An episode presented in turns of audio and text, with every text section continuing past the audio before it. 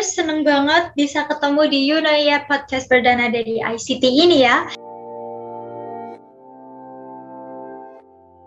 Oke, langsung aja. Hari ini kita bakalan ngebahas beberapa hal yang sering lewat di TikTok, lewat di Instagram, di FYP, FYP gitu, di media sosial lainnya tentang prodi hubungan internasional.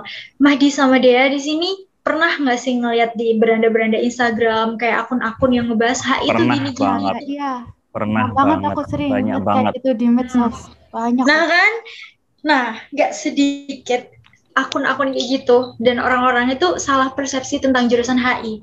Eh, bukan salah sih, tapi kayak itu-itu aja yang kurang tepat, dibahas. lebih kurang Heeh. tepat gitu. Iya, iya. Padahal nggak itu-itu aja juga di HI itu. Jadi langsung aja di sini ada aku Umi dari HI angkatan 19. Halo, aku Dea dari angkatan 20. Halo, aku Mahdi dari angkatan 19. Di sini kita bakalan gibahin tipis-tipis nih tentang stereotip jurusan HI. Nah, jadi gini, Mbak Mas. Kan nggak sedikit Hmm. teman-temanku yang beda jurusan tuh bilang kalau, eh kamu kuliah prodi hubungan internasional kan? Kuliahnya full English ya? Cita-citamu dubes atau diplomat? Magangnya di luar negeri. Terus-terus, HI di Unisa harus pakai yang syari-syari gitu ya? Itu tuh Bukti. HI di sering banget dikira aku hukum dapetin pernyataan Islam. pertanyaan gitu. Padahal nih ya, kan sebenarnya kalau soal nanti lulus kuliahnya jadi diplomat enggaknya tuh urusan yang kesian sih Kak kalau aku. Yang penting tuh Mm. yang pertama paling enggaknya jadi istri diplomat lah ya. Ya Allah, cita-citanya istri diplomat. Kirain jadi apa? Istri diploma ternyata. Gak apa-apa, bagus, Parah. bagus, bagus. Cita-cita yang mulia. Dulu sama, aku juga mikirnya kayak gitu. H itu full English, diploma, dubes gitu kan. Dan emang gak dikit juga orang yang nganggapnya kayak gitu. H itu nggak harus bahasa Inggris sih, tapi kalau jago bahasa Inggris di HI itu bakal berguna banget dan bisa meringankan sedikit beban dalam jurusan HI. Karena kita bakal baca paper, baca jurnal, semua muanya itu in English. Dan culture shocknya yang aku temui di HI, yang aku alami sendiri, bahasa Inggris yang dipelajari sewaktu kita SD, SMP, SMA itu beda banget sama English di HI. Karena yang kita pelajari di sekolah tuh daily English kan. Nah, kalau yang di jurusan hubungan internasional ini, Englishnya tuh politics, bahasa-bahasanya tuh formal. Waktu aku masih jadi freshman, nggak ada yang ngasih tahu tentang hal ini. Jadi kayak kaget, terus bingung loh kok gini gitu. Jadi ya mulai berasa kayak mulai dari nol. Nah, semoga teman-teman freshman udah mulai bisa curi start as soon as possible ya, udah mulai kayak belajar-belajar vocab-vocab yang tentang politics gitu. Kalau Mahdi ngalamin culture shock nggak sih pas masuk HI? Iya, dulu ngalamin jelas itu pasti semua pernah ngalamin masa-masa itu Eh di mana apa-apa jurnal referensi-referensi yang dikasih itu berbahasa Inggris. Belum lagi nanti eh, review mingguan terkadang nih ada dosen tuh yang minta reviewnya itu dalam ber- eh, bahasa Inggris. Sempat eh, si dulu semester 2 ini kepikiran bahwa eh, aku ini salah jurusan kayaknya. Tapi berjalannya waktu baru ngerasain nih bahwa jurusan ini tuh keren gitu cocok dan yang terbaik buat aku. Kal- kalian wajar kalau sempat ngerasain salah jurusan. Apalagi yang masih semester 2 nih rawan-rawan ngerasain salah jurusan. Eh saranku santai aja jalanin aja slow kalian bakal nemu feelnya di HI gimana percaya Pernah, deh pernah. Nah, iya nih, ternyata bukan aku aja yang ngalamin Kak. Aku juga pernah kok. Wah, kelihatan seru banget nih. Apalagi udah di spoiler dong sama Mbak Umi dan Mas Madi. Iyalah, iyalah, seru banget di HI. Rasanya tuh kayak eh, jalan-jalan ke luar negeri juga, walaupun cuma simulasi atau cuma praktek Iya atau itu ya, buat semacamnya. gaya-gayaan, buat sok-sokan gitu. Nanti nanti kalian di HI, di HI Uinsa itu ketemu matkul praktek diplomasi. Nah, di situ tuh bisa berasa jalan-jalan ke luar negeri, bisa cosplay jadi presiden berbagai negara, bisa cosplay jadi menteri, cosplay jadi dubes, cosplay jadi diplomat. Pokoknya seru. Itu jalan-jalan ke luar negeri gitu, tapi praktek ya. Nggak jalan-jalan Iya. beneran sih. Jalan-jalan beneran ya ini aja ikut program student exchange aja. oh ya, for your information, uh, HI Winsa ini beda loh sama sama HI pada umumnya itu. Buat dia nah, pasti udah ngerasain nih sebagai freshman yang udah semester 2 di HI Winsa pasti udah ngerasain gimana dia? Nah iya kerasa banget kayak materi-materi umum HI yang diajarkan itu selalu berlandasan ajaran Islam. Jadi kayak nggak hanya menambah wawasan ilmu umum aja, tapi juga diimbangi dengan ilmu agama. Nah, iya, benar benar banget itu. Jadi HI UINSA ini memang beda dengan HI pada umumnya. Aku sih bersyukur banget karena apa? Karena di sini gak ada tuh dikotomi antara Islam dengan keilmuan umum. Di HI UINSA itu mengintegrasikan antara keilmuan dengan keislaman. Keren gak tuh? Keren kan? Keren. Ya keren lah pastinya. Uh, kita punya nilai lebih nih. Kita mulai punya nilai lebih nih dari yang lain gimana le lebihnya apa yang mempelajari ilmu umum terus digabungin dengan keislaman kalian bakal kaget banget ternyata jauh sebelum adanya aturan-aturan peperangan mhm. perdamaian hmm. dan lain-lain yang dipelajari di HI uh, Islam lebih dahulu mengajarkannya. Uh, bersyukur deh kalian bisa belajar sambil ambil hikmahnya di sini. Uh, seperti salah satu mata kuliah diplomasi misal. Rasulullah itu seorang diplomasi ulung. Bahkan ada nih, aku diberitahu sama katingku yang kuliah di Al-Ahqaf, Tarim Hadramut, dia punya kitab yang mana itu ngejelasin tentang diplomasi Rasulullah. Dalam satu kitab full. Jadi wow. keren banget deh, wow. seriusan. Kalian ya belajar keilmuan, ya belajar keislaman juga. Itu sih pembeda dari HI Winsa dengan HI pada umumnya. Syukur kalian diterima di HI Winsa. Saya bersyukur. Alhamdulillah. banget nih. HI Win. Iya. Alhamdulillah. eh, aku ada beberapa tips buat teman-teman, baik tips itu freshman.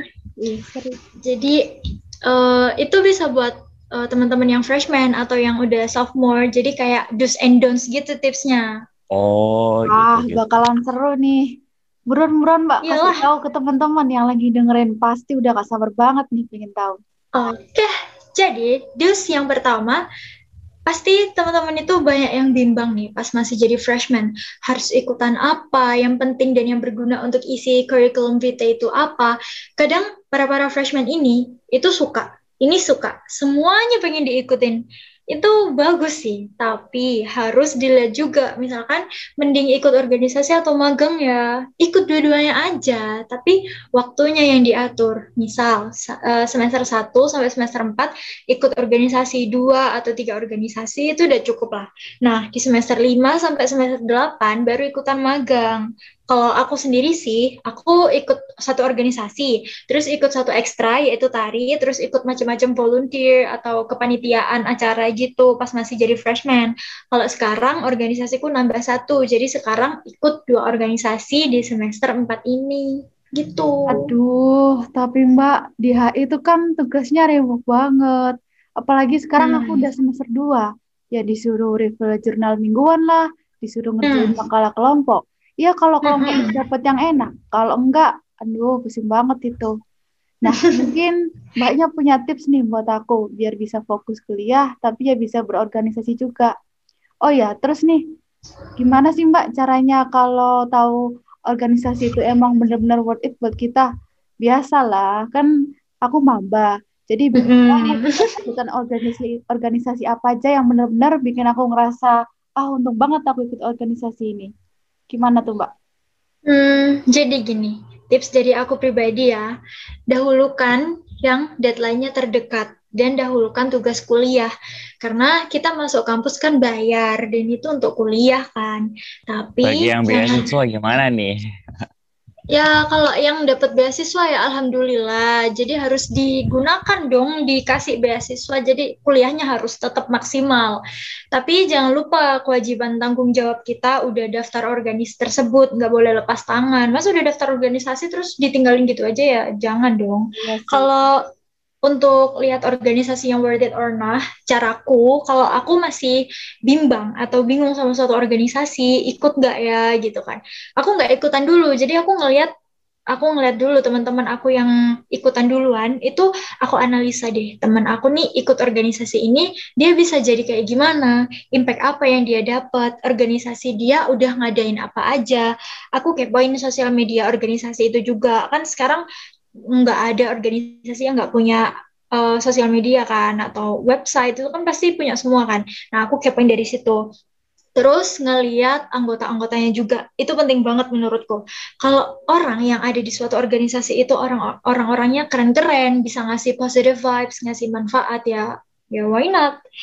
Kalau uh, terus di open recruitmentnya berikutnya aku ikutan daftar karena aku masih nunggu teman-teman aku masih menganalisa gini gitu jadi ya aku ikutnya di tahun berikutnya kan nggak usah takut ketinggalan teman-teman atau jadi sendirian karena daftarnya telat nggak usah kan buat diri sendiri juga kan Terus kenapa sih kok aku susah-susah diteliti dulu kayak gitu? Kenapa nggak langsung aja nanya ke kating-kating tentang suatu organisasi?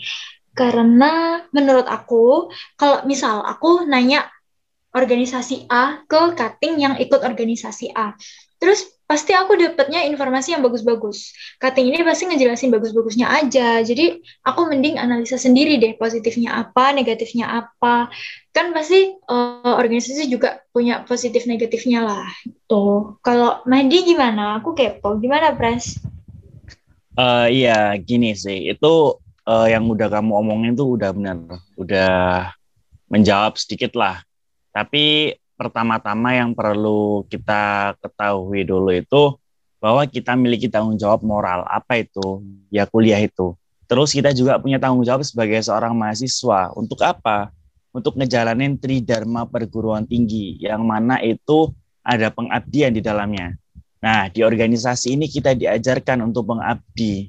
Di organisasi kita diajarkan untuk bersosialisasi kepada masyarakat di organisasi kita juga diajarkan untuk tidak apatis terhadap sekitar. Jadi seyogyanya kita yang udah dapat titel sebagai mahasiswa yang bukan siswa biasa lagi, bukan siswa SMA lagi, kita maha yang artinya maha. lebih dari mahasiswa, maha, lebih dari siswa.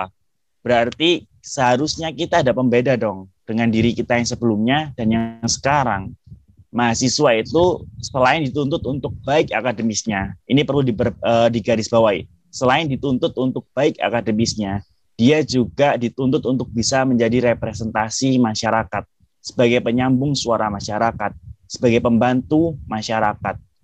Dan jangan jadi mahasiswa itu yang biasa-biasa saja. Setidaknya nih, menurutku perlu ada tiga hal atau minimal ya dua hal nih yang yang perlu ada dalam diri kamu saat menjadi mahasiswa. Yaitu pertama, jadilah seorang akademis saat di dalam kelas. Uh, lalu ketika di luar kelas, jadilah seorang yang organisatoris dan aktivis. Karena mahasiswa bukan lagi tentang nilai semata yang dikejar, tetapi bagaimana nanti kamu punya kemampuan untuk bisa di tengah-tengah masyarakat. Gimana nanti kamu punya kemampuan, kebermanfaatan, gimana nanti ketika kamu terjun di masyarakat, ketika kamu sudah lulus kuliah, kamu punya nilai lebih, kamu punya nilai jual, dan kamu juga uh, punya mental yang kuat. Di mana kamu juga uh, di organisasi itu dan kamu tur terjun di masyarakat itu punya soft skill yang mumpuni. Nah, di mana itu didapetin? Ya di organisasi, di mana itu didapetin di luar-luar kelas dan bukan hanya di dalam kelas. Nah, uh, untuk ke, uh, kembali lagi uh, organisasi yang bagus, uh, yang baik atau yang buruk. Nah, tips dari aku sih lihat latar belakang dari organisasi tersebut. Lihat apa uh, ini apa kayak tujuan ataupun dia itu di bidang apa organisasi tersebut. Lihat ideologinya juga. Ketika itu emang emang organisasi itu baik, bergerak di bidang misal sosial ataupun green ataupun apa pun itu. Dan menurutmu itu baik?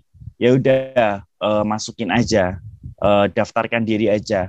Toh ketika di dalamnya itu terdapat hal-hal yang negatif dan itu pasti ada. Dalam organisasi itu ada yang positif ada yang negatif. Tergantung kita gimana mau ambil yang positif atau negatifnya. Jadi uh, selain melihat latar belakang uh, ngelihat uh, ideologinya apa, bergerak di bidang apa, organisasi tersebut dan impactnya apa.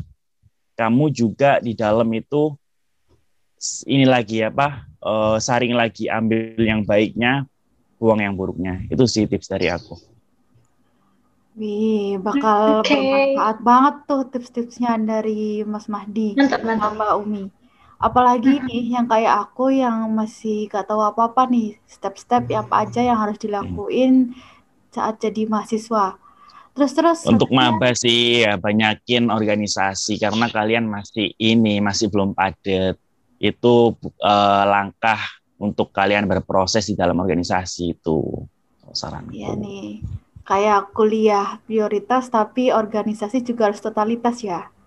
Iya benar. Iya dong. Ibaratnya dua kaki lah antara kuliah dan organisasi ini harus sejajar gitu. Oh keren keren. Terus terus selanjutnya ada apa lagi nih kak? Lanjut ada des yang kedua yaitu cari networking sebanyak-banyaknya.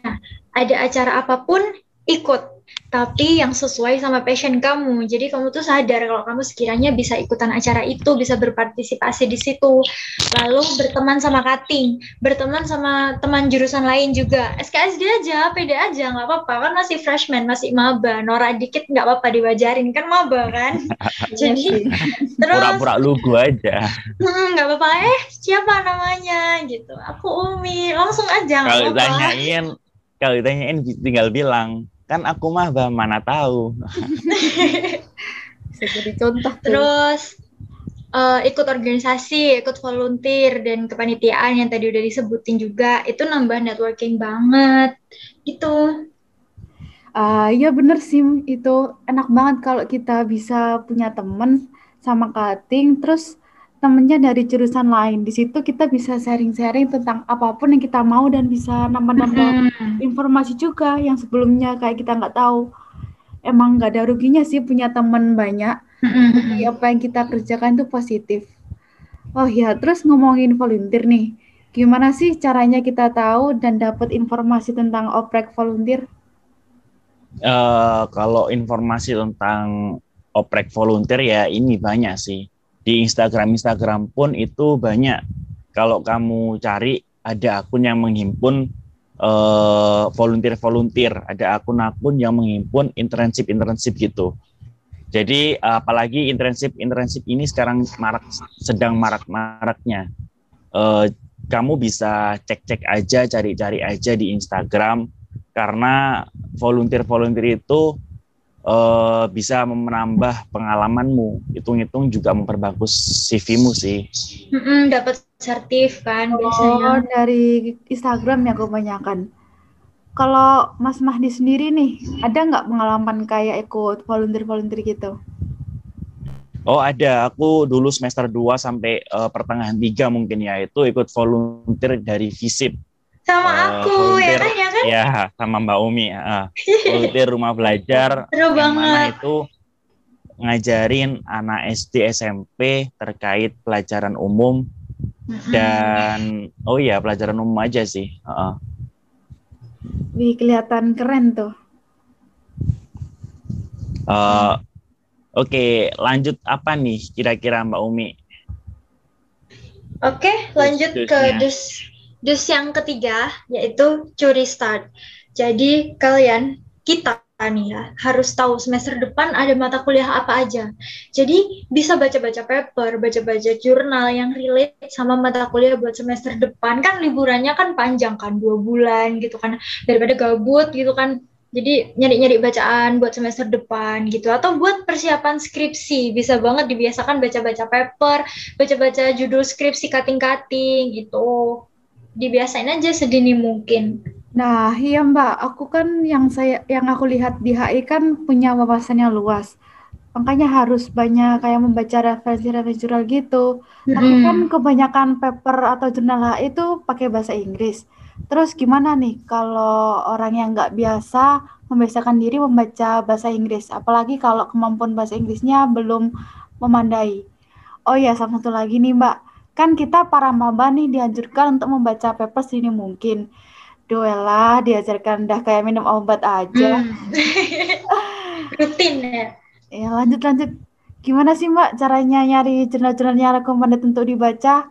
Aku tuh bingung banget kayak gimana cari jurnal-jurnal bahasa Inggris yang baik terus sesuai sama yang dimintain sama dosennya. Hmm. Eh, Mandi iya. gimana?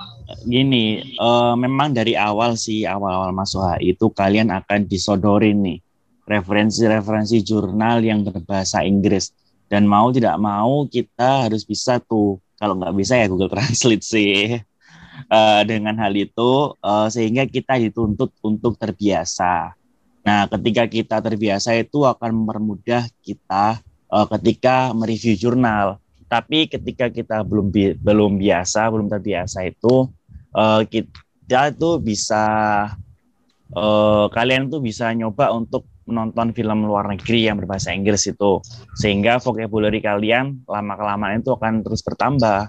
Apalagi jika kalian menerapkan dalam percakapan sehari-hari dengan teman kalian. Dengan begitu eh, kalian akan menambah dan eh, menambah vocabulary dan itu impact-nya akan mempermudah kalian untuk memahami jurnal atau paper yang memakai bahasa Inggris itu. Wah, jadi kayak nonton film luar juga bisa ya buat ngelatih bahasa bisa. Inggrisnya. Bisa banget tuh. Dan untuk eh, jurnal-jurnalnya yang kredibel itu banyak sih website-website jurnal itu. Seperti di ini ah, Google Scholarship ya. Google Scholar, di Zotero. Iya Google Scholar maksudnya ya. itu Mbak Umi apa aja Mbak Umi apa aja Mbak Umi? Ada Google Scholar yang biasanya aku pakai, terus ada Zotero, Mendeley, BOKCC. Dari situ sih biasanya kalau aku. Tapi ada ada yang lain juga banyak. Iya banyak banyak yang lain selain itu. Iya, bener nih. Ibarat tuh kayak gini, istilah Witing Tresno Jalanan Soko Kulino gitu loh. Hmm. Ya. Ya ampun. cinta bakalan tumbuh karena kebiasaan. Ya sama aja kayak jurnal bahasa Ya bener sih. kita tuh bakalan enjoy sama jurnal-jurnal bahasa Inggris kalau udah biasa. Lagi pula generasi milenial milenial mana sih yang nggak tahu Google Translate? Pasti teman-teman di rumah sering banget lah ya nugas pakai itu. Jadi Hmm. ya bisa banget loh kata-kata bahasa Inggris yang nggak tahu artinya, coba deh ditranslate pakai Google Translate. Oh iya, tadi kan udah dus. Kalau yang dons-nya apa nih?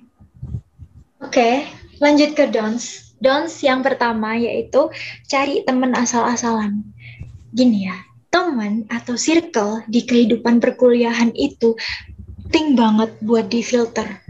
Tapi berteman sama siapa aja itu juga bagus banget. Jadi tetap berteman sama siapa pun, tapi harus tahu mana yang bawa impact buruk, mana yang bawa impact baik, gitu. Wah, bener banget yang dibilang Mbak Umi. Ini nih yang harus banget diperhatiin sama teman-teman di rumah. Kenapa sih kita tuh perlu ngefilter circle kita? Karena ya pengaruh dari teman-teman tuh besar banget. Apalagi kalau teman-teman di rumah termasuk tipe anak yang gampang banget dipengaruhi.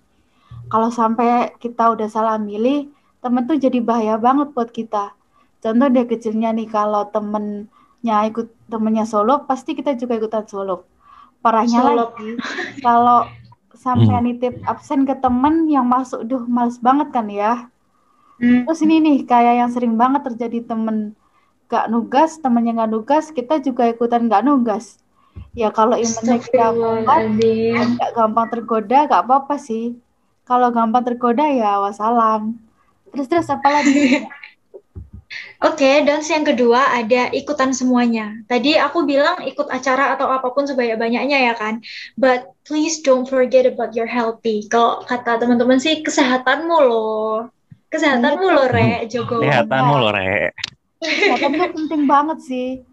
Buat apalagi buat teman-teman semua yang lagi dengerin, jangan sampai gara-gara kebanyakan ikut organisasi, terus tugas jadi numpuk deh. Jadinya begadang sampai subuh, apalagi lupa sam- lupa sama kesehatan diri. Karena nih ya Hmm. teman-teman, kalau kita sakit, kampus ya nggak akan peduli sama kita. Yang penting mereka tuh nerima tugas kita, kelar deh gitu aja. Hmm, hmm, hmm, bener. Yang penting dana lancar, UKT lancar, itu kan Oh my kampus. God. Nggak ngurus kita mau mau sakit, Astagfirullahaladzim. Pada akhirnya rugi Lanjut, lanjut. kan. Lanjut ke dons yang terakhir yaitu ada procrastinate. Ini nggak ada yang nggak pernah. Pasti Mahdi sama Dea itu pernah. Uh, jadi procrastinate ini menunda-nunda untuk mengerjakan sesuatu. Ngaku kalian pasti pernah kan? Bahkan sampai Iyalah, sekarang kan wah. kalian. Udah Aku jadi yakin semua mahasiswa pun ya pernah kayak gini. Aku juga pernah sih. Jadi ini tuh kebiasaan sejuta umat lah ya. Apalagi kaum-kaum kebut semalam kayak kita. Awalnya bermula dari procrastinate, terus kebiasaan gitu kan. Sebisa mungkin, sedini mungkin, pelan-pelan deh diilangin kebiasaan procrastinate-nya. Lalu, eh, aku juga pernah sih sampai sekarang, tapi pelan-pelan diilangin gitu lah. Iya sih. Oke, itu aja. That's all from us. Nggak kerasa ya dari tadi kita gibah-gibah tipis-tipis tentang HI, nyampe-nyampe ke dari Rasulullah HI. juga. Iya kan, HI Winsa pasti itu ada keislamannya. Ini gibah Keren tipis-tipis. keren banget nih topik kali ini ya. Mm-mm. Seru Sampai banget. bahas ke bisa. deadline deadline ini loh. Jadi langsung keinget, oh iya bentar lagi ada tugas, ada tugas ini, ini, ini. Oh ya uas, uas belum selesai. Uas, uas. Makasih buat para pendengar Yunoya podcast perdana dari ICT Himahi ini. Eh, nantikan podcast-podcast selanjutnya yang pasti bakalan lebih seru. Let's see you all. Dadah. Bye. Makasih ya. Dadah, dadah.